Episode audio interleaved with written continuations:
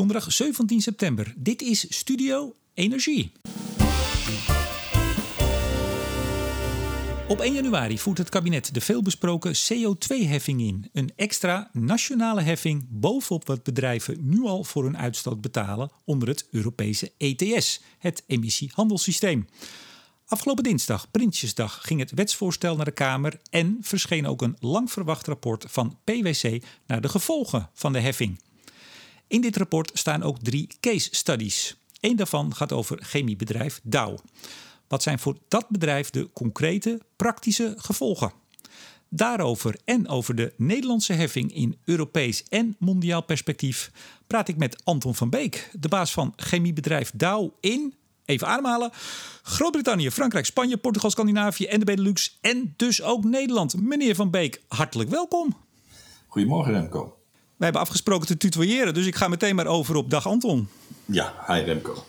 Niet alleen de baas in Nederland, ik zei het al, heel veel Europese landen. Ja, de man om over dit onderwerp mee te praten, denk ik dan. Ja, is ook zo. Want wij zijn uh, natuurlijk in Nederland als eerste begonnen. Maar ook die discussie vindt ook plaats in andere landen zoals Frankrijk, Spanje en, uh, en UK. Dus het is een onderwerp wat bij veel regeringsleiders op de agenda staat. En, uh, dus voor mij is het een groot deel van mijn werk op dit moment. Kijk eens aan. Op dit moment in Zwitserland is dat werk. Hè? Wat doe je daar? Ja, ik ben uh, in Zwitserland op dit moment. Ik ben uh, bezig met de strategie voor volgend jaar. En uh, het is een van de landen waar ik ook voor Dow werkzaam ben om te kijken hoe we de energietransitie kunnen doen. Je kunt je voorstellen dat we binnen Dow kijken naar hoe we dit als Dow gaan doen. En niet alleen naar Nederland, maar ook vanuit een Europees perspectief. Dus hier zit de centrale waar we met elkaar kijken van oké, wat zijn de mogelijkheden en wat zijn de dingen die we nodig hebben. Ter voorbereiding op een interview als dit neem ik altijd even wat recente interviews van mijn gast door. Ik kwam er van jou heel weinig tegen. Klopt dat? Nou, ik heb onlangs, ik geef niet heel veel. Ik was eerder deze week, uh, vorige week was ik nog in Brussel, maar dat was een besloten forum. Ik ben in mijn rol als voorzitter bij uh, SDR, geef ik wel eens interviews. Ik ben vicevoorzitter bij de VNCI. Maar daar hebben we een hele goede voorzitter, Bernard Wientjes. Ja, en die doet dat zo fantastisch samen met Manon Bloemen, dat, uh, daar ben ik niet nodig. Als hij dat zo fantastisch doet en ook de andere belangenbehartigers, waarom dan eigenlijk dit interview vandaag? Nou, ik vind het wel een heel belangrijk moment. Hè. Dus deze week is eigenlijk een week waar je gewoon uh, heel veel nieuws ziet. We hebben heel lang met elkaar aan de verschillende tafels gezeten om te kijken wat we moeten doen. Maar dit is een week, Prinsjesdag. Uh, vandaag gaat Ursula uh, von der Leyen gaat haar State of the Union presenteren. Dus ik vond het wel een heel mooi moment om even een gesprek aan te gaan. Om te kijken van jongens, waar staan we nu? Wat gaat dit nieuws met Dow doen? En, en wat betekent dat voor ons bedrijf? We zijn een bedrijf wat al 120 jaar bestaat. We zijn ooit begonnen in Amerika. Uh, we zijn toen gegroeid naar Europa, Azië, Midden-Oosten. In Nederland hebben we uh, de grootste investeringen gedaan. We hebben daar 4000 man. Uh, die zijn ooit begonnen in productie. Vervolgens hebben we research and development gebouwd. We hebben finance daar. We hebben HR. We hebben de hele end-to-end en customer service daar neergezet. We hebben onlangs 1200 jobs gecreëerd in Nederland. Waar we ook heel erg samenwerken in Zeeland en, en met midden- en kleinbedrijven met name ook. Um, dus het is wel een moment waar heel veel nieuwswaarde komt die Dow kan beïnvloeden. Ja, en ik hoor wat gestommel bij. Ik weet niet wat er gebeurt, maar ja, hou de microfoon ook. recht. Ja, ik hoor ook gestommel. Ik weet niet wat het is. Zo beter.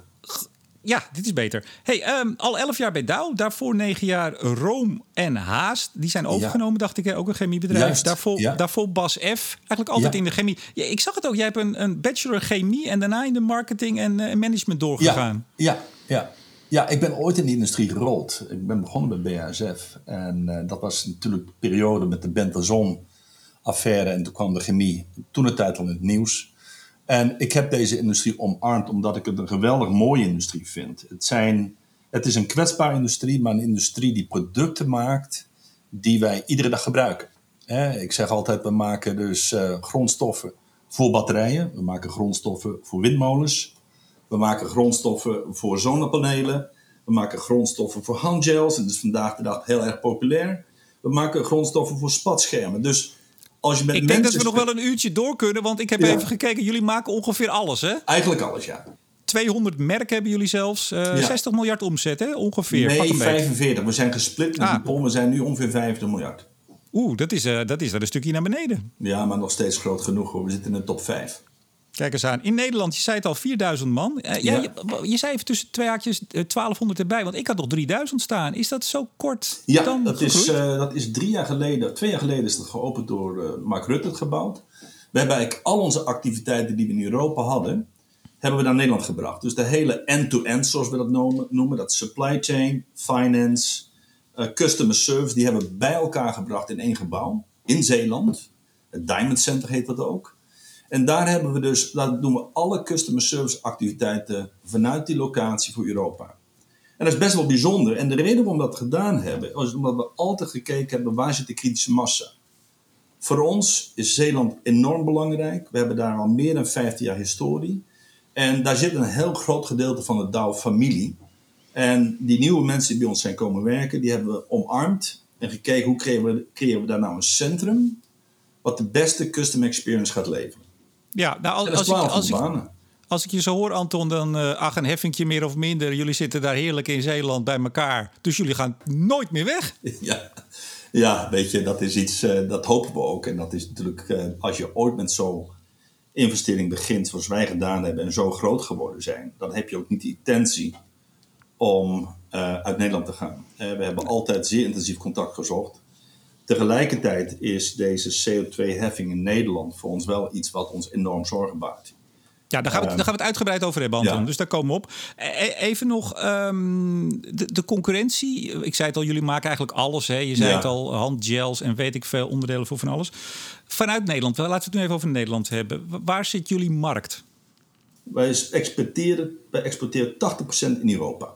Dus wij Duitsland, België, Frankrijk, alles wat we maken in Terneuzen wordt ongeveer 80% afgezet in Europa. En dus 20% de rest van de wereld. En de rest, de 20% is de rest van de wereld. Uh, en dat swingt wel eens een keer afhankelijk waar de grondstoffen zijn. Maar het leeuwendeel, dat gaat echt naar Europa. Nou is jullie uitstoot, uh, en hou me ten goede dat ik er een kilootje naast zit, 4,1 ja. megaton hè? 4,1 miljoen ton, inderdaad. Ja. Dat heb je goed. En daar zijn jullie mee in de top 5 hè, van de grootste ja. uitstoters in Nederland. Ja, de, de Milieubeweging zegt dat jullie zijn een van de grootste vervuilers. Ja. Wat, wat vind jij? Ja, weet je, dat is natuurlijk een eerste reactie die we vaak krijgen. En ehm, het is iets waar wij door de afgelopen 30, 40, 15 jaar iedere keer getracht hebben om te laten zien wat we wel kunnen. En wat we bijvoorbeeld wel kunnen is dat we heel veel producten hebben ontwikkeld die CO2 besparen. Ja, en die producten moeten we in de toekomst blijven maken, maar dan zonder CO2. Dus eigenlijk onze opgave, als je het wil samenvatten, is maak deze producten waar we net over hadden. Isolaties voor huizen, batterijen, windmolens, grondstoffen daarvoor, maar zonder CO2. En dat is dus een grote uitdaging eh, die we graag aannemen.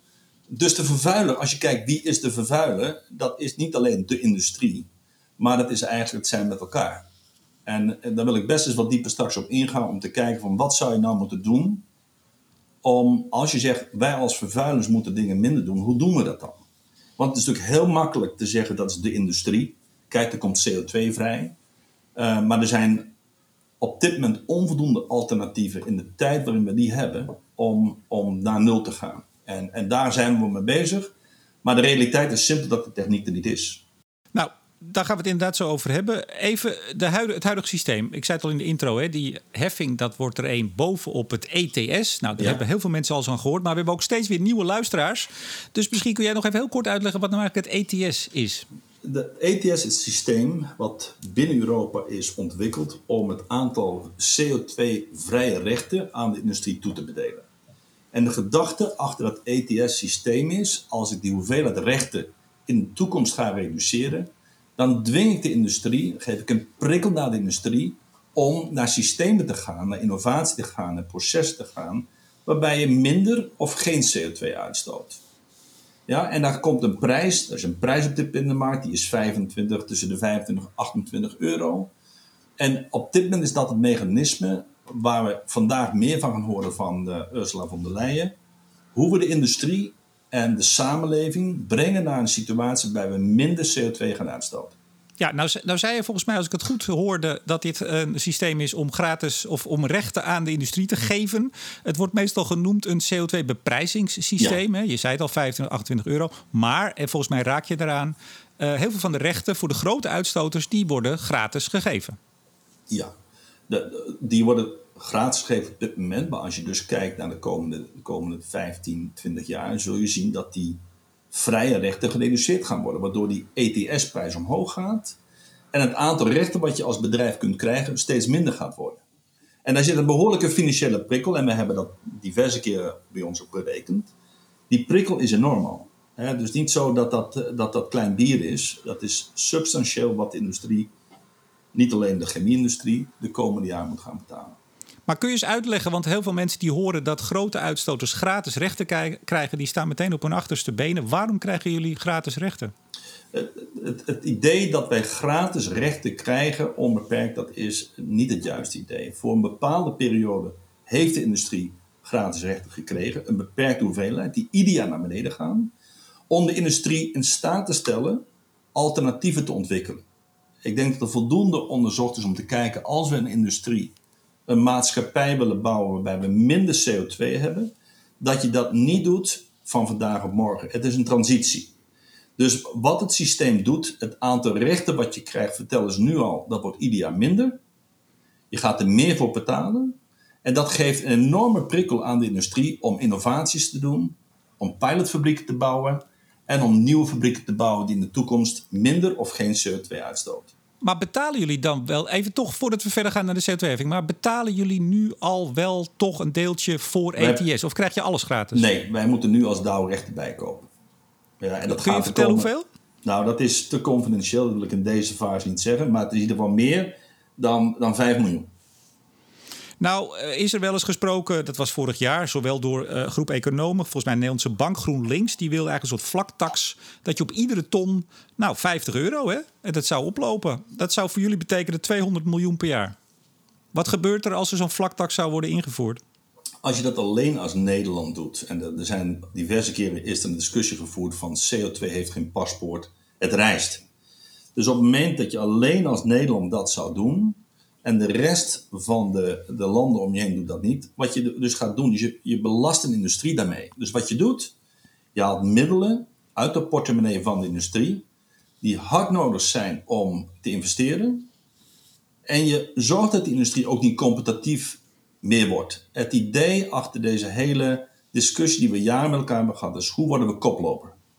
Hoe plaatsen we de industrie in een koploperpositie? En dat doe je niet alleen door belasting te heffen in Nederland en de rest van Europa hebben andere speelregels. Dat werkt niet. Maar, maar Anton, ik had eigenlijk een hele concrete vraag. Als er morgen een vlaktax zou worden ingevoerd in Nederland voor Dow en jullie moeten 200 miljoen euro per jaar betalen, wat gebeurt er dan? Nou, zoals in ieder bedrijf zou gebeuren, dan is op dit moment is er natuurlijk heel veel vraagtekens. Hoe kan het op zo'n korte termijn 200 miljoen? Wij hebben op dit moment een, een, een COVID-19-impact die de hele industrie onder druk zet. En 200 miljoen tax, als we dat morgen zouden moeten betalen, heeft dat consequenties. Dan kun je niet direct zeggen: ik sluit de tent morgen. zo werkt dat niet. Maar als je kijkt naar investeringen en als je kijkt dat je beperkte middelen hebt en de company die moet besluiten waar stop ik mijn geld in. Stop ik dat in Nederland, in Duitsland waar we groot zijn, of in Spanje, of in UK, op dat moment, als je dus, dus een, een 200 miljoen in Nederland moet betalen en de rest van Europa hoeft dat niet te doen, ja, dan kun je je voorstellen dat de investeringen die nodig zijn om in de toekomst te blijven groeien en je op opnieuw uit te vinden, dat dat lastiger wordt. Zo simpel is het. Nou, nou, is het geen 200 miljoen, dus het wordt alleen maar minder. Dus ik, ik hoor nu al optimistische geluiden uh, tussen de regels door, uh, Anton. Want de CO2-heffing, daar gaan we nu op. De extra CO2-heffing. Ja. Wat nog even voor uh, de luisteraars. je zei het al een paar keer. die ETS-rechten, dat worden er steeds minder. En zo weten we dat de ETS-sectoren, dus de energiebedrijven en de chemie en de grote uitstoters, dat die in 2030 op min 43 procent staan. He, dat, dat weten we nu, want meer rechten zijn er niet. Je zei het al, Van der Leyen kondigde gisteren, we nemen het op woensdag op, uh, dus vandaag, nou je snapt hem, uh, aan om naar de 55 te gaan totaal. Wat dat voor het ETS betekent is natuurlijk nog even uh, afwachten. Maar Nederland wilde daar niet op wachten en die heeft afgesproken of besloten om per 1 januari een extra CO2-heffing in te voeren los van het ETS. Wat, wat is volgens jou nou de, de driver, de motivatie van vooral de politiek achter die heffing? Nou, dat heb ik me lang afgevraagd. Want uiteindelijk, als je kijkt naar het kabinet van der Leyen. en je ziet dat daar Frans Timmermans en Dirk Samson beide een, een hele belangrijke rol spelen. En ik denk dat Nederland wel goed heeft gedaan om, om laten we zeggen, de knuppel in het hoenderok te gooien. En zeggen, we moeten met elkaar iets laten zien. Dat de Europese Commissie dit over gaat nemen. Dus dat vind ik het positieve. Ik kan echt waar niet bedenken waarom de Nederlandse politiek af gaat wijken van het Europese verhaal als men naar 55% gaat. Dat is een enorme jump. En daarmee, als je als Europa dat gaat, gaat doen, creëer je ook een situatie van hou dingen simpel en eenvoudig. En wat we nu creëren is een situatie waarbij er allerlei wetgeving en weeffouten gaan ontstaan in Nederland. Er gaan heel veel middelen gaan er straks naartoe om uh, de wet te implementeren, om uitzonderingen te bekijken, hoe zit het in elkaar, subsidiepotjes en dergelijke. En dat is iets wat mij betreft wat we hadden moeten voorkomen. Door gewoon achter de Europese Green Deal te staan. Dat is een grote uitdaging. Daar kun je zeggen, als Europa gaan we dit met elkaar doen. En we voorkomen dat een bedrijf zoals Dow in ieder land afzonderlijk moet kijken wat gebeurt daar. Dus, dus bekijk het vanuit een mondiaal niveau. Dat je bedrijven dwingt, als ieder land zijn afzonderlijke CO2-policy zou hebben, om daarmee om te gaan. Dat is heel inefficiënt. Nee, maar, Anton, nou is natuurlijk de, de basis voor die eh, CO2-heffing in Nederland... die is natuurlijk gelegd voordat Europa met die Green Deal kwam. Die is eigenlijk al in het klimaatakkoord, zo, hè, 2018. Uiteindelijk 2019 heeft de politiek de knoop doorgehakt. Er moest een moet, moest een CO2-heffing komen in Nederland. Ja. Dus in die zin staat hij nog even los. Maar het is toch ook zo dat uh, Nederland in Europa steeds heeft gepleit voor die 55 procent. Dus ze zeiden en we gaan vast in Nederland voorop, want we willen niet wachten. En vervolgens gaan we in Brussel lobbyen voor 55%. Nou, dat laatste lijkt gelukt. En hoor ik jou nu zeggen, ja, stop dan met die heffing meteen. Ja, absoluut. Ik zou zeggen, kijk, en je, kunt twee dingen doen. Of je kunt zeggen, weet je wat, we hebben eh, heel succesvol hebben dit met elkaar gerealiseerd. We gaan Europa steunen in het verhaal om naar één Europese policy te gaan. En daarmee zou de Nederlandse wet overbodig zijn. De tweede variant die je zou kunnen bedenken is dat je zegt van nou ik ga het bekijken in 2024 of 2025 en kijken wat het Europese systeem gaat doen. Ehm, maar mijn voorkeur zou zijn volg de Europese Green Deal. Hou het simpel, hou het eenvoudig en probeer niet een extra systeem op te zetten wat A, contraproductief is met, met andere landen en B, waardoor je een carbon leakage gaat creëren en een level playing field situatie die niet gewenst is. Ja, regering... we gaan daar zo, ja? Sorry, we gaan daar zo wat meer in detail op door. Want uh, nou ja, de politiek vindt het toch anders. Dus, maar even daarvoor. Wat jij zegt, uh, jouw kritiek is... ja, uh, sluit je nou gewoon aan bij de, de eenvoud en de schoonheid... hoor je ook wel eens zeggen, van het ETS. In die zin sta je niet alleen. de SER heeft een advies uitgebracht in juni. Die zeggen het eigenlijk ook. Hè, sluit nou zoveel mogelijk aan bij ETS... voor de eenvoud en de efficiëntie. Nederlandse emissieautoriteit, de voorzitter daarvan, Dorette Corbij, die heeft het ook nog gezegd bij een interview Energie onlangs. En ook Herman Volleberg, uh, PBL-onderzoeker, maar ook hoogleraar Economie en Milieubeleid Tilburg, zegt het eigenlijk ook. Hij zegt: Ik denk eerlijk gezegd dat we dit gewoon Europees moeten aanpakken. Als nou toch uit dat soort hoek eigenlijk hetzelfde geluid klinkt, waarom denk je dan toch dat de politiek daar, nou ja, misschien zou jij zeggen, er niet naar luistert? Nou, ik denk dat op een gegeven moment wat je ziet is dat mensen zijn een pad ingegaan. En dan zijn er zoveel stappen genomen om tot zo'n besluit te komen. Dat ehm, er onvoldoende draagvlak is om dan te zeggen we doen het niet meer. Uh, en, en dat zie je wel eens vaker met, uh, met processen, ook in het bedrijfsleven, om eerlijk te zijn. Op het moment dat het hele besluitvormingsproces die kant op gaat en een aantal politieke partijen willen dat, uh, dan is het heel moeilijk om op het laatste moment uh, dit af te blazen, denk ik. Dat is mijn persoonlijke inschatting. Ik ben geen politicus. Ik heb ook nooit de ambitie gehad om er een te worden. Uh, ik begrijp het onvoldoende. Nou, dan gaan we het, ga ik het je uitleggen, zou ik bijna zeggen. Is dat wat? Nou goed, ga luisteren, Remco. Dat is altijd nee. We gaan het samen even doen. En ook voor de luisteraars. Ik zeg er vaak bij, we krijgen steeds meer nieuwe luisteraars... die misschien nog niet zo zijn ingevoerd. Wat nou het idee was, Nederland moet, uh, of wil, naar de uh, eh, 49% reductie... en de industrie moet 14,3 megaton reduceren in 2030... ten opzichte van uh, en dat is 59% ten opzichte van 1990. En in die onderhandelingen voor het klimaatakkoord, daar zat een, een regeling in uh, waar de industrie ook achter stond. Ik weet niet of Dow letterlijk erachter stond, maar de industrie stond erachter. Uh, en volgens mij ook VNO-NCW, daar ben je ook ja. lid van de Raad van Toezicht, hè, geloof ik. Um, een bonusmalersregeling, daar kwam veel kritiek op. Die zou het niet gaan redden, zei ook het PBL. Toen moest er iets anders voor komen en dat is die CO2-heffing. Want het doel is dus om Nederland in de industrie 14,3 megaton te reduceren. Wat er ook gebeurt in Europa. Ja. Hoe kijk je daar tegenaan, naar dat principe? Dat een land zegt, ja, nou, dat ETS is goed. Dat, dat, dat bepleit ook voor een intensivering en een verhoging van de doelstelling. Maar we wachten er niet op. 14,3, dat zal het zijn. Ja. Ongeacht of je een COVID-19-crisis hebt, ongeacht wat er rond je heen gebeurt.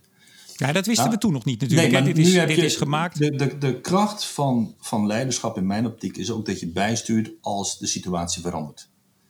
Ja, en um, Nederland is daar heel, heel stoer in. We willen die 14.3. Uh, eh, wat er ook uitkomt, dat is het getal wat we moeten halen met elkaar. En dat moet ook in het jaar 2030. En een van de grote uitdagingen, en dat, daar heeft het PBO-rapport trouwens ook, en het PwC-rapport is daar ook helder in geweest, voor de industrie, intensieve industrie, waar wij toe behoren is dat het aantal opties om dit te vermijden, die zijn er niet. Die moeten ontwikkeld worden. Ja, en daar is, daar, gaan we het, daar gaan we het onvoldoende naar gekeken mij natuurlijk. Dus wat, wat ik daarvan vind, is, de, is dat getal wat op zich heilig moet zijn, zou je wat meer los moeten laten en moeten verbinden in dus hoe gaan we als industrie de koploperpositie krijgen. En als je alleen maar op één getal stuurt zonder de effecten bekijken wat je nodig hebt, dan heb je getal gehad, maar niet op de juiste wijze. Oké, nou, nou, nou zegt dus nogmaals met jou zeggen heel veel partijen die hier uh, verstand van hebben. Eigenlijk zou je het gewoon Europees moeten doen. Nou goed, daar heeft de politiek niet voor gekozen. Maar wat hebben ze nou bedacht? Ze hebben bedacht dat als je nou heel efficiënt produceert en je behoort tot de beste in Europa, dan betaal je eigenlijk geen heffing. Als je nou slecht presteert, onderpresteert, anderen zijn veel schoner, dan betaal je wel. Nou, toen dacht ik, uh, dit interview, jij, jij roert je nu, hè? Douw roert zich nu. Betekent dat misschien wel dat jullie niet zo goed presteren en dat je dus bang bent voor de heffing? Nou, weet je, dat is. Ik ben blij dat je die vraag stelt, Remco. Dat is wel. Daar kom je Als iemand dat zegt, dan betekent het meestal dat het een lastige vraag nee, is. Nee, het is geen lastige vraag. Want het is met name. De, iedere keer heb ik dat moeten uitleggen. Het idee dat je zou zeggen: je hoort bij de beste 10% in je kwartiel. Hè? Dus je hoort bij de, de beste 10% van de klas. Dat idee kan iedereen kan iedereen kan zich daarin vinden. Als je kijkt waar onze emissies vandaan komen, die komen uit het kraakproces. En Dow heeft de laatste kraken gebouwd in Nederland. Ja, dus dat is de laatste stand van techniek. En we hebben twee oudere kraken staan. Ehm, op het moment dat je zegt van oké, als jij. En ik vergelijk het eigenlijk met het volgende. Um, stel je voor, jij hebt een vaatwasser. En ik heb een vaatwasser. Die voor mij is al heel lang stuk. Die ik doe het met de hand. Oké, jij hebt een vaatwasser ja, en die heeft label A, want jij hebt hem vorig jaar gekocht. En ik heb een oude vaatwasser, die heeft label D. En dan zegt de overheid, ja, maar Ander van Beek moet in staat zijn om de nieuwe vaatwasser te kopen. En dat klopt ook, dat doet hij dan. Dan schrijft hij de, de hoeveelheid, de, de 200 euro of 300 euro die hij nog kost, schrijft hij af. Ja, en hij gaat naar de winkel en koopt een nieuwe vaatwasser. En die gaat weer 10 jaar mee. Nou, met de krakers is het eigenlijk hetzelfde die krakers wordt natuurlijk continu geïnvesteerd om op, op het juiste niveau te houden. Maar als de kraker, die, de, de oudere twee krakers, als ik die op het niveau zou willen hebben van de eerste kraker, de laatste die we gebouwd hebben, heb ik maar één optie. En dat is die dingen slopen en nieuw bouwen. Maar vervolgens, stel je voor dat je dat geld zou kunnen krijgen, wat onmogelijk is, want die dingen kosten meer dan een miljard per stuk. Vervolgens moet je in 2035 moet je elektrisch kraken gaan doen als dat uitgevonden wordt. En dan kun je dingen weer slopen en weer nieuw bouwen. En daar zit het probleem in de weeffout voor deze categorie. Dat voor de krakers gaat het principe niet op zoals veel mensen denken. Maar als de anderen dat kunnen, moet je dat ook kunnen. Ja, dat kan wel. Moet je helemaal afbreken, opnieuw bouwen. En binnen tien jaar kun je ze weer afbreken. En daar heb je geen business case nergens in de wereld voor. Ja, wat jij zegt, eigenlijk de techniek die van ons verwacht wordt op de lange termijn, eigenlijk bestaat, dat elektrisch kraken bestaat eigenlijk, ja, er wordt mee geëxperimenteerd, maar het bestaat eigenlijk nog niet. Nergens. Nergens in de wereld. Er zijn 380 krakers in de wereld, MCO. 380, daarbij bouwen we onze samenleving op. Alle dingen die wij kennen, komen uit dat kraakproces. En bestaat niet. Maar laten we heel even teruggaan. Dan kom ik zo weer op de specifieke Dow-situatie. Want jullie kunnen natuurlijk wel wat. Maar daar gaan we het zo over hebben. Ja. Uh, wat bedacht is, als je nou bij de beste hoort, dan eigenlijk betaal je dan uh, niks. Althans, aan het eind ook nog wel. Hè? Uh, in ja, je betaalt allemaal wat. Ja, uiteindelijk, als zelfs, als, eh, zelfs de beste jongetjes van de klas gaan wel betalen. Maar wat is geïntroduceerd is vermijdbare uitstoot. Ja. En toen ik dat de eerste keer hoorde, ik hoop dat jij mij dat kunt uitleggen. Hoe ziet men in de regeling vermijdbaar? Wat is dat? Ja. Uh, vermijdbaar is eigenlijk iets wat vandaag de dag mogelijk is. Ehm, en wat ook economisch mogelijk moet zijn. Dus vermijdbaar zou zijn, als je dat toepast op onze industrie, zou je kunnen zeggen: ja, theoretisch is het mogelijk dat je een kraken sloopt. Je pakt anderhalf tot 2 miljoen, je bouwt drie jaar lang en die sloop je Miljoen of miljard? Uh, miljard, sorry, miljard. Ja, uh, miljard. Uh, sorry, anderhalf tot 2 miljard, helaas. Die sloop je daarna weer. Dus je kunt zeggen dat is mogelijk, daarmee kun je het vermijden. Maar daar heb je geen enkele investeerder die zegt: wil ik geld op inzetten. Dus die vermijdbaar en verwijtbaar is een hele lastige eigenlijk in het hele convenant of een hele discussie. Wat is nou vermijdbaar? Ik geef een ander voorbeeld. Op het moment dat, je, uh, dat er geen infrastructuur is. Hè, een van de roadmaps waar we straks over gaan spreken, CCS. Als er geen infrastructuur is voor Zeeland, is dat vermijdbaar. Ja, en ik heb zelfs begrepen dat uh, in principe kunnen jullie die infrastructuur niet aanleggen. Uiteraard, dat is meer iets wat je met z'n allen of wat dan hè, wat, uh, het, het, de overheid moet Ja, doen. ja. Maar als die infrastructuur niet op tijd beschikbaar is, betekent dat niet dat jullie mogen zeggen: ja, dan kunnen we ook niks. nee. Jullie worden niet vrijgesteld als de infrastructuur er Nee. niet is. En dat was wel een van de, de, de dingen die wij toen met elkaar in gesprek gingen, overheid. En dat is een vrij unieke situatie, wel mooi om dat te zien. Was dat natuurlijk dat doel. We gaan het met elkaar doen, we gaan het samen doen. Dus laten we nou kijken wat je als industrie kunt doen. En wat kunnen wij als overheid doen om dat met elkaar te gaan realiseren. En als je dan in die discussie van vermijdbaar komt, dat is eigenlijk de, de, de, de, stick en de carrot, noem ik het maar even. ehm, is er op dit moment alleen maar de stok overgebleven. Als je hem toppast. Want op het moment dat die infrastructuur er niet is, ik betaal die levy. Dat staat hard. De levy betaal je gewoon. De heffing. De heffing. Ja. Op bo- bovenop het ETS-verhaal. En, en daar kom je dus niet onderuit in deze fase. Nou is er nog even een te- technisch dingetje, en misschien toch ook wel leuk voor luisteraars. eh, want die lezen misschien dat het de eerste jaren helemaal niks doet, die heffing. Er is een reductiefactor. Het wordt heel ingewikkeld. We houden het simpel. Je hebt dispensatierechten en dan heb je een reductiefactor. En door COVID, of eh, ja, dat zei je net ook al een paar keer, hè, we hebben COVID. Nou, er is aan gedacht, Anton. Dat weet, je, dat weet je best. Hè? Ja. Er is een reductiefactor waardoor eigenlijk niemand de eerste nou, drie, vier jaar tot 2024 eigenlijk niks betaalt. Eh, biedt dat soelaas of niet? Nou, weinig. Kijk, wat ik al zei, Remco, wij doen investeringen op basis van 30 jaar. Ja, dus als je kijkt naar onze industrie, wij moeten het geld vrijmaken voor, voor investeringen. Die apparaten gaan 30 jaar mee. En als je daar naar de economische modellen eh, kijkt en je zegt van nou de eerste twee jaar waar die levy relatief dicht bij de ETS-prijs zou komen te liggen, die is relatief beperkt. Dus die twee jaar gaan ons niet helpen om de business case te bouwen. Het is, het is niet dat ik zeg van nou, ik ben daar ondankbaar voor. Maar als je kijkt wat boven de markt blijft hangen, is die 120 euro per ton in 2030. Ja, en dat is natuurlijk een dermate groot bedrag. Dat de competitiviteit eh, natuurlijk heel erg te gedring gaat komen. En, en dat zien wij gewoon als industrie. We kijken naar wat gaat die ETS-prijs in Nederland doen de komende 10, 20, 30 jaar. En dan gaat die eerste twee jaar, die hebben een relatief weinig impact op het, op het investering, eh, op de NPV noem ik het maar even, het financiële model. Nou heeft PwC, laten we het daarover hebben, dat rapport. Jullie zijn een van de drie case studies. Ik zei het al in de intro. Eh, jullie hebben je hele hebben en houden eh, overlegd. Wisten jullie trouwens dat het gepubliceerd zou worden? Want er staan best wel wat, nou, Wij wisten, Bijzondere- Ja, nee, wij wisten niet dat de details in deze vorm eh, beschikbaar kwamen. Dus dat was voor ons ook wel best een verrassing. We hebben wel eerder met PwC gewerkt en met de overheid. Het rapport is gemaakt in opdracht van EZK. Eh, PwC heeft dat uitgevoerd. We wisten dus niet dat deze details zoals die daar staan helemaal naar buiten zouden komen. is dat niet gek? Eh, dat is op zijn minst vreemd, want we hebben al eens eerder discussies gehad van eh, hoe zorgen we nou dat we geen informatie delen die wellicht concurrentiegevoelig kan zijn. Eh, aan de andere kant moet ik eerlijk zijn dat als je je een beetje in de materie verdiept zoals jij gedaan hebt, dan kun je ook wel berekenen als je 4 miljoen ton emissies hebt bij een CO2-prijs van 120 euro per ton, als je niks zou doen, wat de financiële impact is. Dus in zoverre is het voor iemand die ehm, geïnteresseerd is in de situatie, is het relatief eenvoudig te berekenen in een do-nothing scenario. Hè? En ik zeg niet dat we niks doen. Wat Maar een jullie gaat toch nooit zou zijn. over die, je, sorry Anton, je gaat toch nooit over die 4 miljoen ton eh 100, 100, 125 euro hoeven betalen? Dat is toch veel minder? Ah, nou ja, als je niks doet wel.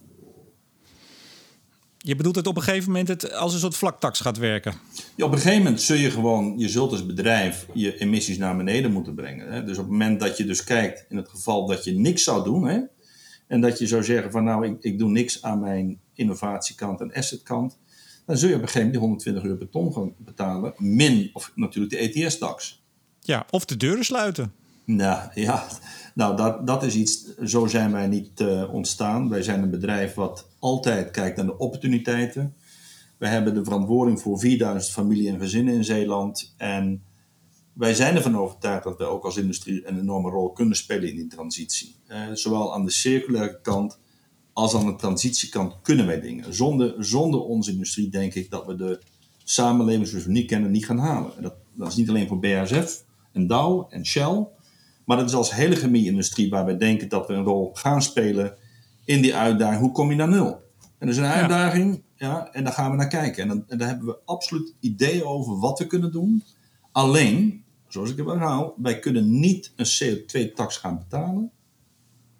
En ondertussen allerlei investeringen doen die ik net heb gemeld van R&D, pilots en nieuwe assets. Dat is niet de prikkel die je nodig hebt.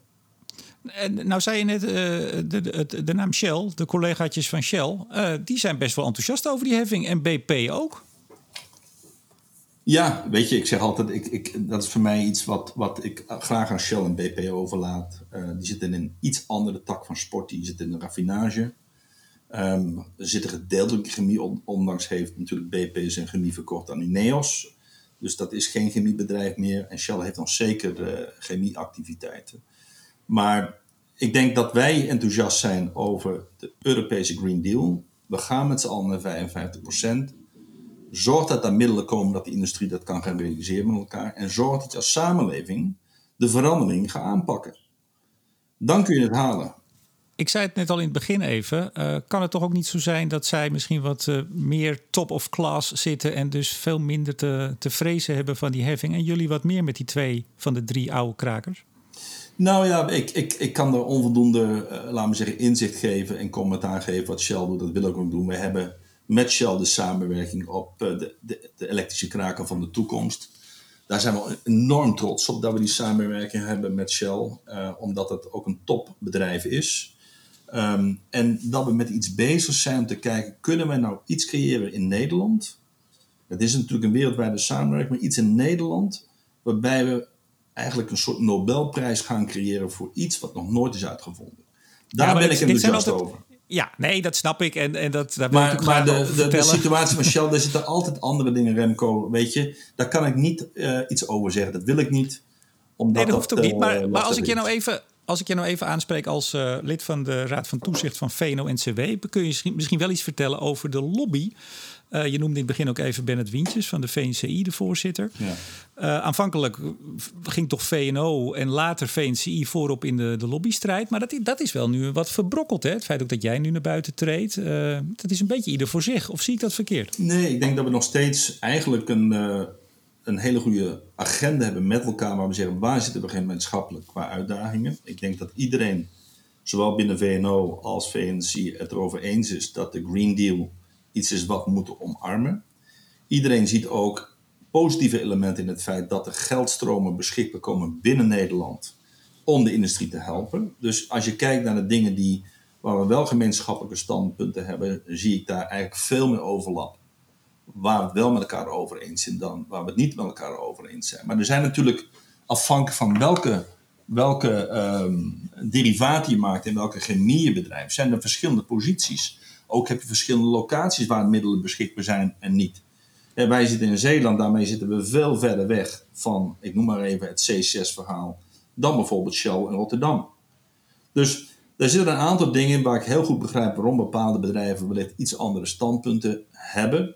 Maar het feit dat we met elkaar zeggen, we gaan die transitie aan binnen Europa. Het feit dat het cluster, en dat is wel even een belangrijk ding Remco. Wij moeten stoppen te denken in verliezers en winnaars. Het chemiecluster tussen Nederland, Duitsland en België is een van de grootste clusters in de wereld. En op het moment dat de helft niet overleeft, heb je allemaal effecten die je eigenlijk niet wil. Dat heeft met opleiding te maken, dat heeft met innovatie te maken, dat heeft met het feit dat heel veel van onze grondstoffen worden verkocht aan de bedrijven die ik net noemde. En ik koop de grondstoffen terug die zij hebben. Dus er zijn zoveel interacties met elkaar.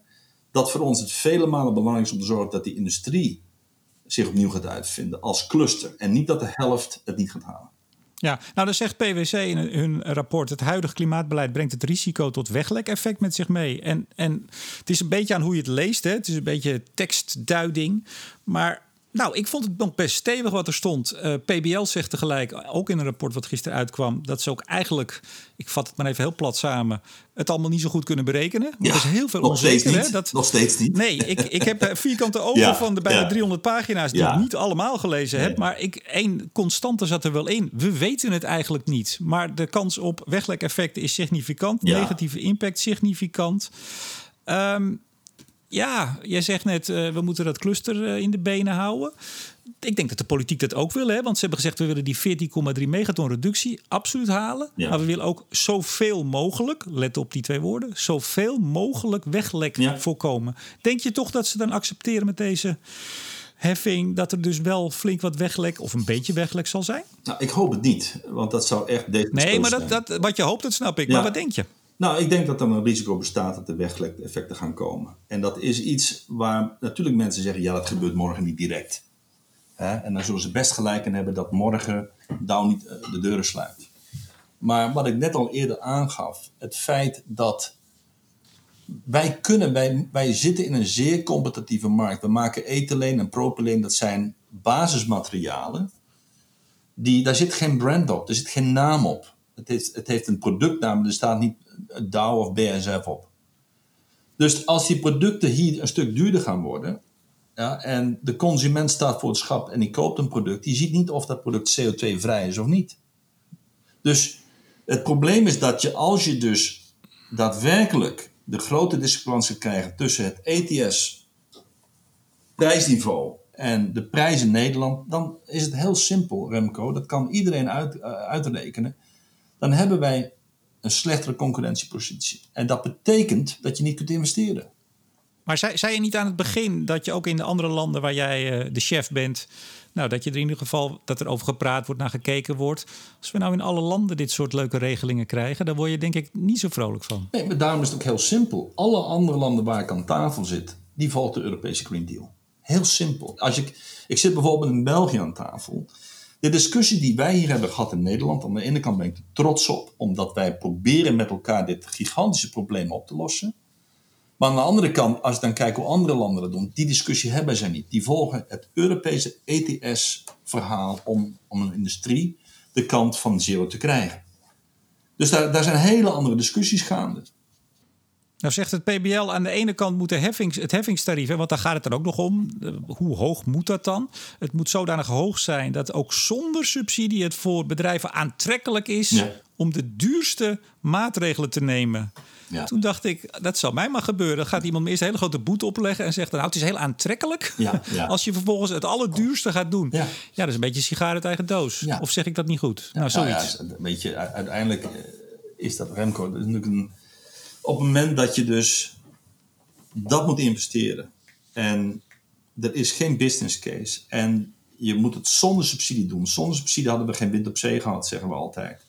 Ja, en dat was relatief eenvoudig. Een windmolen, dat bestond 200 jaar geleden al. Die hebben we geperfectioneerd, maar een windmolen, die was er. Ja, en, zonder, en daar zijn we ook trots op dat wij als Nederland in staat zijn geweest om die windkosten naar beneden te krijgen. Eerst met subsidie en op een gegeven moment bijna subsidievrij. Dit is een veel grotere opgave voor de industrie. Dus ik denk we dat je. We gaan het even over subsidies hebben. Dat, vind ik, dat is een mooi bruggetje. Maar eerst niet voordat ik even heb gekeken naar wat het jullie kost. PwC ehm, zegt in hun eh, case study naar jullie totale additionele kosten van de nationale maatregelen. Dat is niet alleen de CO2-heffing, dat is ook bijvoorbeeld de ODE-heffing. nou, dat is een aantal zaken. Hebben ze voor jullie uitgerekend, uh, flinke bandbreedte. Maar dat is in 2030 uh, 57 tot 169 miljoen. En tel je dat op, dan is het voor 2021, eh, 2030 tussen de bijna 300 en 750 miljoen. Ja. En dat is dan zonder subsidie, want we gaan het nu over subsidie hebben. Dat is de onrendabele top? Of nee, dat is de CO2-tax in Nederland en ODA-effecten. Dus dat is, dat is dat cumulatieve bedrag wat wij als Dow in Nederland moeten betalen. Ja, dus in het, in het slechtste geval... In het slechtste geval, als ik niks drie kwart miljard. is dat het bedrag. Nou, dan is er dus subsidie. Want je zei ja, zonder subsidie. Maar er is subsidie. En nou zegt het PwC, maar ook PBL, daar eigenlijk, die zijn er wel eensluidend over in hun conclusie. Ja, PwC zegt er is meer onderzoek nodig of het wel genoeg subsidie is. En PB, PBL zegt al ja, grote kans dat die subsidies ontoereikend zijn. Ja. Nou, nou laten, we, laten we bij de eerste beginnen. We hebben SDA. En eh, zoals ik je al net aangaf, bij ons komen de emissies van twee kanten. Van de kraker en van de energiemaatschappij Elsta die we hebben. Dat zijn eigenlijk de enige twee emissiepunten die wij hebben. En als wij tussen nu en 2030 iets willen doen, is de optie die wij hebben is CCS. Op korte termijn CCS gecombineerd met een waterstoftechnologie. ja, dus de af, afvang en opslag van CO2, de bodem, dat gaat op de Noordzee gebeuren. Dat gaat op de Noordzee gebeuren, ja. En wat je dus ziet in de eerste fase van de pot met geld die er is voor de industrie, is het principe wat bedacht is door de overheid is low-hanging fruit, dus de eenvoudige dingen tussen aanhalingstekens, die een lage CO2 abatement kosten, kosten hebben, die ga ik als eerste financieren. Wat op zich een heel goed principe was wat op toen zich, het ging om wind en zon, et cetera. Dat is een heel goed principe. Dus wat je eigenlijk zegt, degene, als ik het extreem neerzet, een hele grote vervuiling, die kan ik relatief eenvoudig oplossen. Ehm, dat betekent, als je dat hanteert, dat als je onze energiemaatschappij pakt, Elsta, die we nodig hebben om onze hoge temperaturen te creëren, dat wordt gestookt op aardgas, is een schone. Ja, en dat ligt nog relatief ver van de velden af waar het straks opgeslagen moet worden. SDA financiert de simpele en eenvoudige zaken als eerste. En de wat moeilijke en complexe fase, die moeten pas later komen aan bod. Maar in de tussentijd betaal ik wel de tax. Dus daar zit wat mij betreft een weeffout in. Je moet dus kijken van oké, hoe ga ik dan om met degenen die het moeilijker hebben omdat hun processen complexer zijn? Of hoe ga ik nou om met de mensen of de fabrieken of de terreinen die verder liggen van de mogelijkheden, dus geen infrastructuur hebben? Hoe doe ik dat nou? En daar zal de SDE-pot ontwikkeld moeten worden om, als je met elkaar zegt, we willen koploper worden, om dat met elkaar te gaan omzetten in beleid. Dus dat is de enige subsidiepot die we nu hebben, SDA++. Nou ja, er zijn, het kabinet denkt of heeft wel al wat potjes voor waterstof en zo toegezegd. Hè? Ik bedoel, er kan wel wat anders daarbuiten, toch? Dat zal zeker nodig zijn, want ik denk dat je gewoon, als je leiderschap wilt hebben in Nederland, dat je gewoon moet zeggen: ik ga een infrastructuur aanleggen. Ik ga niet ieder bedrijf afzonderlijk ehm, vragen met, met zijn project te komen. Maar een no-regret maatregel is bijvoorbeeld de hele waterstofrotonde of de hele CCS-rotonde. Als je in Zeeland kijkt, er zit een, een ongeveer meer dan 10 miljard aan CO2. De bedrijven die daar zitten, hebben CCS nodig, allemaal. En, en PwC zegt over die subsidies, en dat, uh, ik, nou, het is dan voor jullie te hopen dat het kabinet er naar luistert. Hè. Inderdaad, sommige technieken die, ja, die komen eigenlijk ook nog niet eens in aanmerking. Dus technieken die jullie nodig hebben, die komen niet in aanmerking. Pot kan al leeg zijn. Ja, um, en, en, in, en, er is een soort kip-ei kwestie, want we gaan nu even over inderdaad naar uh, investeren en infrastructuur. Het kan zijn dat die subsidie, die krijg je pas als je ook kan aantonen dat je uh, echt reële stappen zet. Hè, zoals getekende contracten uh, met infrastructuurleveranciers. En ja, dat krijg je pas weer als je duidelijkheid hebt over je subsidie. Ja, dat is kip bij verhaal. En daar moet je met elkaar doorheen. Kijk, Remco... Ja, hoe, hoe, ga, je daar doorheen, Anton? Gewoon door open gesprek aan te gaan met de verschillende afdelingen. Uh, want op het moment dat je heel lang in het kip-ei-verhaal blijft hangen, gebeurt er niks. Ja, het, het, is een, het is een utopie te geloven dat mensen investeren in iets wat niet zeker is. Ja, als Sorry, wat niet wat? Je viel even weg. Zeker is. Je moet een bepaalde mate van zekerheid hebben als je gaat investeren. Dus wij ontwikkelen de, de kraker van de toekomst, de elektriciteitskraker. Daarvoor hebben we 380 kV elektra nodig. Die is er niet in Zeeland. Desalniettemin stoppen wij heel veel geld in het ontwikkelen ervan. We willen straks een, een proeffabriek bouwen. De vanuitgaande, de vanuitgaande dat straks die 380 kV uh, lijn dat die er gaat komen. Ja? En als die er straks niet is, dan heb ik geen andere optie. Heb ik veel geïnvesteerd. En heb ik een situatie waarbij ik mijn transitie niet kan maken. Zo simpel is het. Maar, maar voorlopig hebben jullie, maar ook Tata Steel, ik, ik kom er zo nog even op, hebben jullie ook samen iets aangekondigd. Ik heb wel eens gezegd dat ik uh, ongeveer mezelf kan inmetselen in de stapel persberichten die alle grote bedrijven hebben uitgegeven over de prachtige plannen die ze hebben. Het is vaak nog maar een plan, hè? een aankondiging. Nou, dat ben ik wel met je eens. In, in, kijk, natuurlijk is dit de topic of the day, zeg ik wel eens, maar het gaat niet weg. Dit is geen modeverschijnsel wat straks weggaat. Het is wel een topic wat gewoon in de boardroom ieder, ieder kwartaal op de agenda staat. Iedere maand op de agenda staat. Ik ben in Hork hier in Zwitserland om ook daar weer over te spreken. Dat staat op de agenda. Dus dat is geen fashion. Dat gaat niet weg. Dus... Ja, als, als, mensen, als mensen nu bij mij veel geluid horen, dan vaart hier een enorm schip voorbij. Dus ik weet niet wat hij aan het uitspoken is, maar dat is de herrie. Op, Ga door. Uh, op waterstof gaat. ik denk het niet. Maar goed. Um, nog even jouw vraag, Remco. Oh, had ik een vraag? Ja, sorry. Nee, ik was even afgeleid. Ik heb hier een enorme bak herrie om me heen. maar dat zijn. Hey, laat, laten we even over die subsidie uh, doorgaan. Uh, afgesproken is in het klimaatakkoord dat, er, uh, dat de industrie 550 miljoen zelf eigenlijk opbrengt. Hè. Dat is ook een van de politieke eisen. De industrie moet zijn eigen subsidies opbrengen. Ja. Nou is daar alweer veel discussie over. Want zijn het nou vooral wel die grote twaalf, de twaalf grote uitstoters... die ook hun eigen aandeel, wat ze uiteindelijk weer uit de pot halen, zullen opbrengen? Uh, hoe zit je daarin? Nou ja, weet je, ik zit er eigenlijk heel eenvoudig in. We gaan in Europa Europese CO2-heffing betalen, dat is één. Twee, op het moment dat ik mijn eigen pot moet vullen en ik kan de business case niet bouwen, dan loopt het ook niet. wat, wat men vaak vergeet, is dat wij heel veel geld in. Die, die, die ontwikkelingen liggen niet op de plank. Dus wij moeten miljoenen stoppen in research. Dan moet je een proeffabriekje bouwen, dan moet je financieren. En dan moet je een pilotfabriek bouwen, dan moet je financieren. Alles wat ik nu uit mijn beperkte middelen moet betalen aan belasting, dat ergens in een grote pot komt en vervolgens moet ik maar zien of ik dat eruit krijg, is gewoon een hele lastige. En dan nou, zou... Sterker nog, als je zegt een heel lastige, dan gaat het gewoon niet gebeuren. Is, hoor ik is, is heel erg moeilijk. Dan zou ik zeggen, jongens, op dit moment vallen de landen over elkaar heen hoe, hoe goedkoop men kan lenen. En dan zou ik zeggen, als je dan koploper zou willen worden, leen dat dan als maatschappij. En dan kun je in de toekomst best weer belasting afromen bij die bedrijven om te zorgen dat als die innovatie gedaan wordt in investeringen, dat er een gedeelte weer terugkomt. Maar dat zijn allemaal maatregelen als we kijken naar banenbehoud. Hè? Want het is een hele grote sector. Hoe zorgen dat de banen van de toekomst hier gaan blijven en komen? Ja, dus die investering die je doet om de industrie te helpen, dat is iets dat kunnen wij niet alleen. Daar ben ik heel helder in geweest.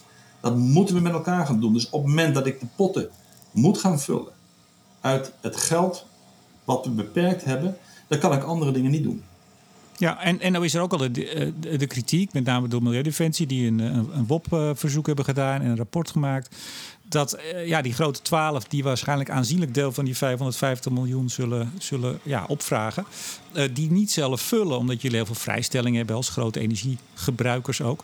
Zie jij het überhaupt gebeuren dat de politieke meerderheid komt om als die uh, subsidiepot inderdaad ontoereikend is, wat nu zowel PwC als PBL wel lijken te zeggen, zie je het dan gebeuren dat die subsidiepot gevuld gaat worden door ons allemaal, voor jullie? Ik, ik hoop het wel, want... Um, maar zie je het gebeuren? Ja, ik ben daar, ik ben er hoopvol Echt waar? Ik ben er hoopvol voor. Oh, ik, ik, ik niet, niet hoor, ben ik bang. Nee. Nou, weet je, ik, ik hoop dat wij. Dit is een van de grotere industrieën van Nederland. En we zitten in een hele moeilijke tijd waarbij men zegt: hoe houden we banen in Nederland?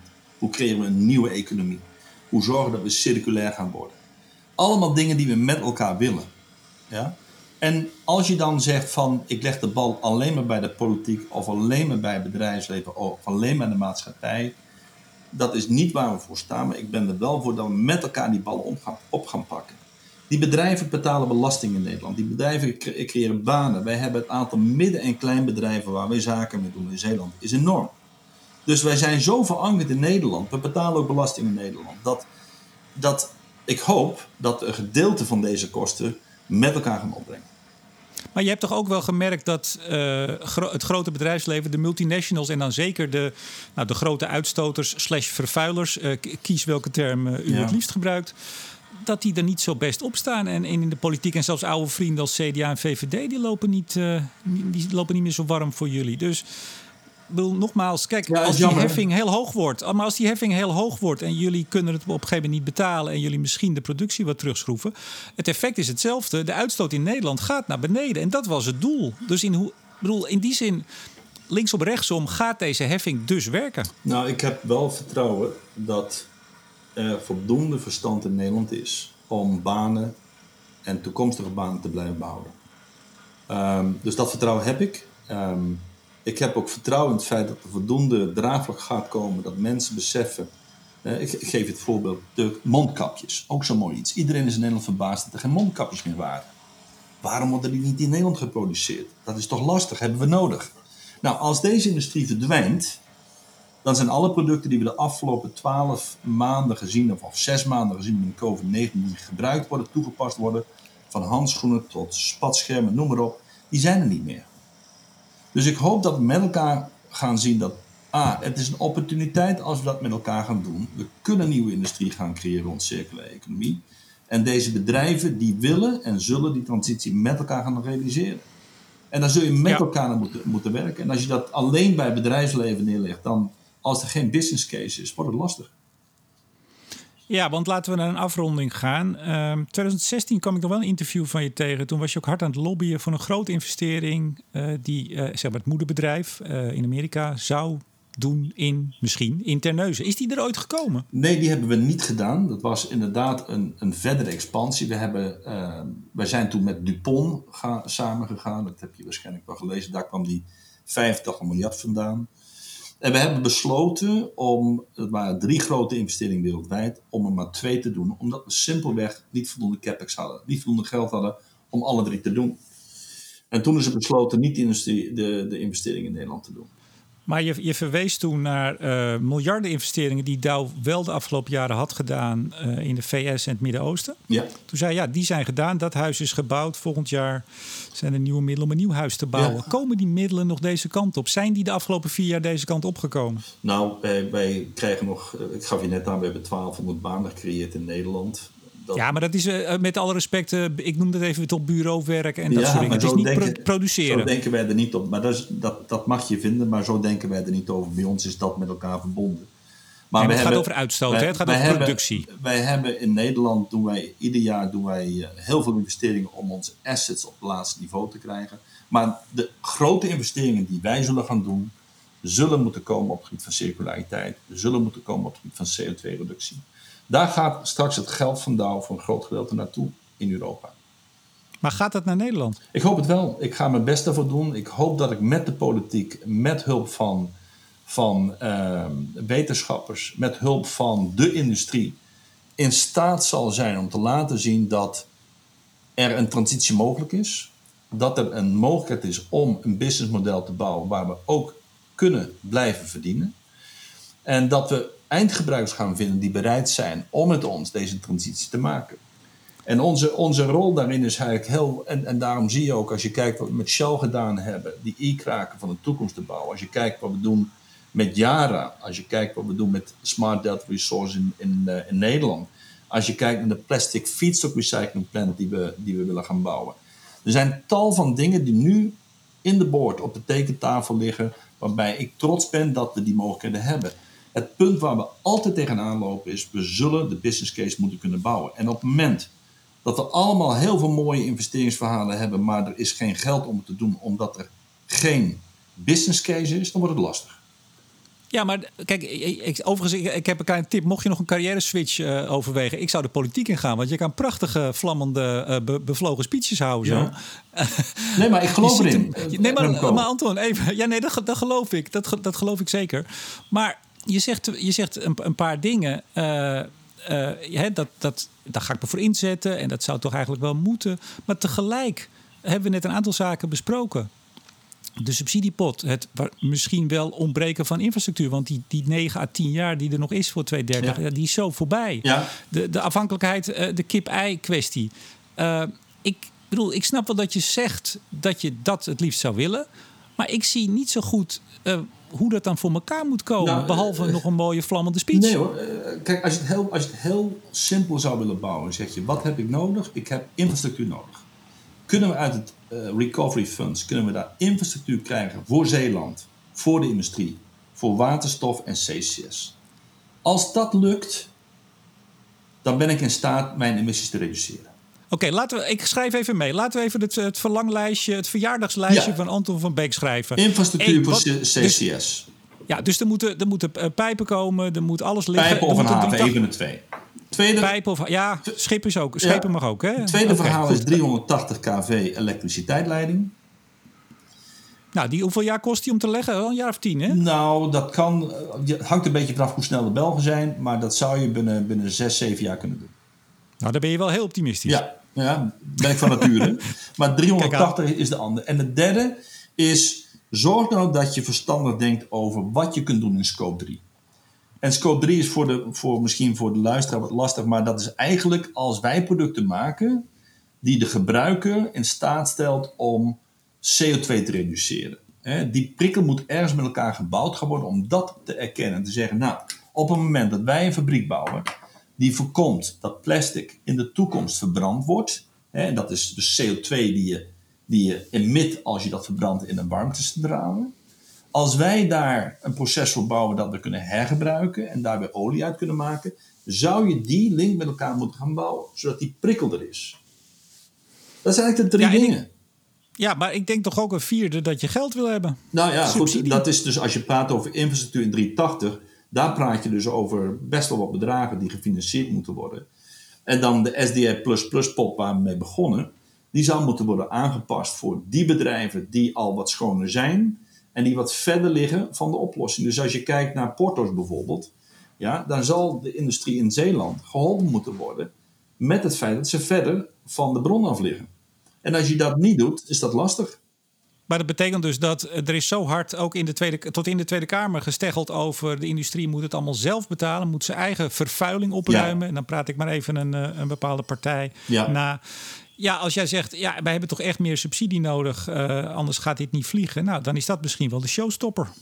Nou ja, weet je, er, er, is, er zijn heel wat fondsen. Ik, ik, denk dat je ook een hele podcast kunt vullen met het aantal fondsen dat op dit moment blijkbaar ontwikkeld worden om de transitie met elkaar te maken. Want daar wil ik wel op terugkomen. Iedereen in Europa is ervan overtuigd dat we die transitie moeten maken. Dus als we nou die middelen slim inzetten, kunnen we banenbehoud creëren. We kunnen extra banen gaan genereren. En we kunnen een bijdrage leveren aan die CO2-reductie. Want zonder chemie ga je dat niet, eh, niet halen, Remco. Dat red je niet. Als je kijkt... In, in die... Ja. ja, nee, ga maar door. Nee, dus, dus het, ik hoop dat we met elkaar ook en dat is misschien iets waar we, als je kijkt wat we met elkaar op COVID-19 hebben gedaan, om elkaar te omarmen, jongens, hoe gaan we dit met elkaar doen? Datzelfde principe moeten we gaan vasthouden op de energietransitie. Het samen willen doen van. En er zitten best wel eens wat, wat, wat, wat uitdagingen en zo in, maar we zullen met elkaar naar een manier moeten komen dat er weer een stukje vertrouwen komt. Om te zeggen, jongens, hoe krijgen we nou deze samenleving tegen nul CO2-emissie? Hoe komen we nou naar een circulaire economie? En dat zijn voor mij persoonlijk eigenlijk mijn, mijn drivers om te zeggen: hey, ik vind het een industrie, daar zou ik zo weer opnieuw voor kiezen. Ik, uh, in de PwC-studie staat dat uh, als het beleid in Duitsland ongewijzigd blijft, dat is wel een belangrijke disclaimer. Hè? Ja. Maar als dat zo zou blijven zoals nu, ja. en daar dus niet een aparte heffing komt, dan zijn de totale uh, totaal de directe en indirecte heffingen in Duitsland ten opzichte van Nederland bijna 60% lager. Ja, verschrikkelijk. Nou, volgens mij, jij bent geen Dow-chef in Duitsland. Dus dan gaat jouw, jouw chef, jouw collega uh, Dow Duitsland, die gaat met de investering lopen, denk ik. Ja, maar goed, weet je, Remco, daar moeten we gewoon heel reëel zijn. Op het moment dat de, zulke soort grote verschillen met de volumes die wij maken, je praat altijd over miljoenen tonnen. Als dat realiteit gaat worden en niet op één jaar, maar een aantal jaar dan heb je gewoon geen goede concurrentiepositie in Nederland. En ik denk dat geen enkele, daar hoeft PBL geen jaren op te studeren. Daar hoef je ook geen PwC-rapport veel geld ervoor te laten betalen eigenlijk. Hè? Dat is een hele simpele exercitie die mijn kinderen op school kunnen doen. Als je die verschillen hebt en je kunt het niet in het product doorbelasten omdat jij de enige bent die dat moet betalen, ja, dan wordt het lastig. En dan hoef je niet. Ik neem maar, nee, ga maar. Nee, maar daar, daar, hoef je geen, daar hoef je geen wiskunde voor gestudeerd te hebben om te weten dat zulke grote verschillen desastreus zullen zijn. Ik neem aan dat je regelmatig, uh, ik zou bijna zeggen, op het moederschip uh, terugkomt in uh, Michigan. Ja. wat, wat, wat zeggen ze daar als jij dit soort zaken op tafel... Of gaat het daar niet eens over Nederland? Is het alleen maar Europa? Nee, nee, Nederland. Wij zijn... We hebben de grootste investering in Dow is hier gedaan. Wij zijn hier meer dan 50 jaar. Wij zijn meer dan alleen maar productie. We hebben hier eigenlijk onze ziel en zaligheid aan verkocht. En daarom is het ook niet alleen een financiële uitdaging, maar ook een emotionele uitdaging. Zoveel jaren in Nederland met heel veel plezier en heel veel succes in Zeeland kunnen produceren. En je, je bagatelliseerde net eventjes het feit dat wij hier 1200 jobs hebben neergezet. Dat hadden we ook in Polen kunnen doen. oh jee, daar krijg ik last mee, dat hoor ik al. Helemaal niet, maar weet je, feit, zo denken wij in die zin. Wij hebben altijd in de landen waar we zitten, hebben we getracht een hele goede relatie op te bouwen met de omgeving. Omdat het gewoon belangrijk is. Dus de discussie in de board is ook over, maar wat betekent dat voor Europa? Dus heel veel tijd zetten we op, wat betekent de Green Deal voor ons in Europa? Hoe doen we dat met z'n allen? En wat betekent nou die separate positie van Nederland? Hoe ziet dat eruit?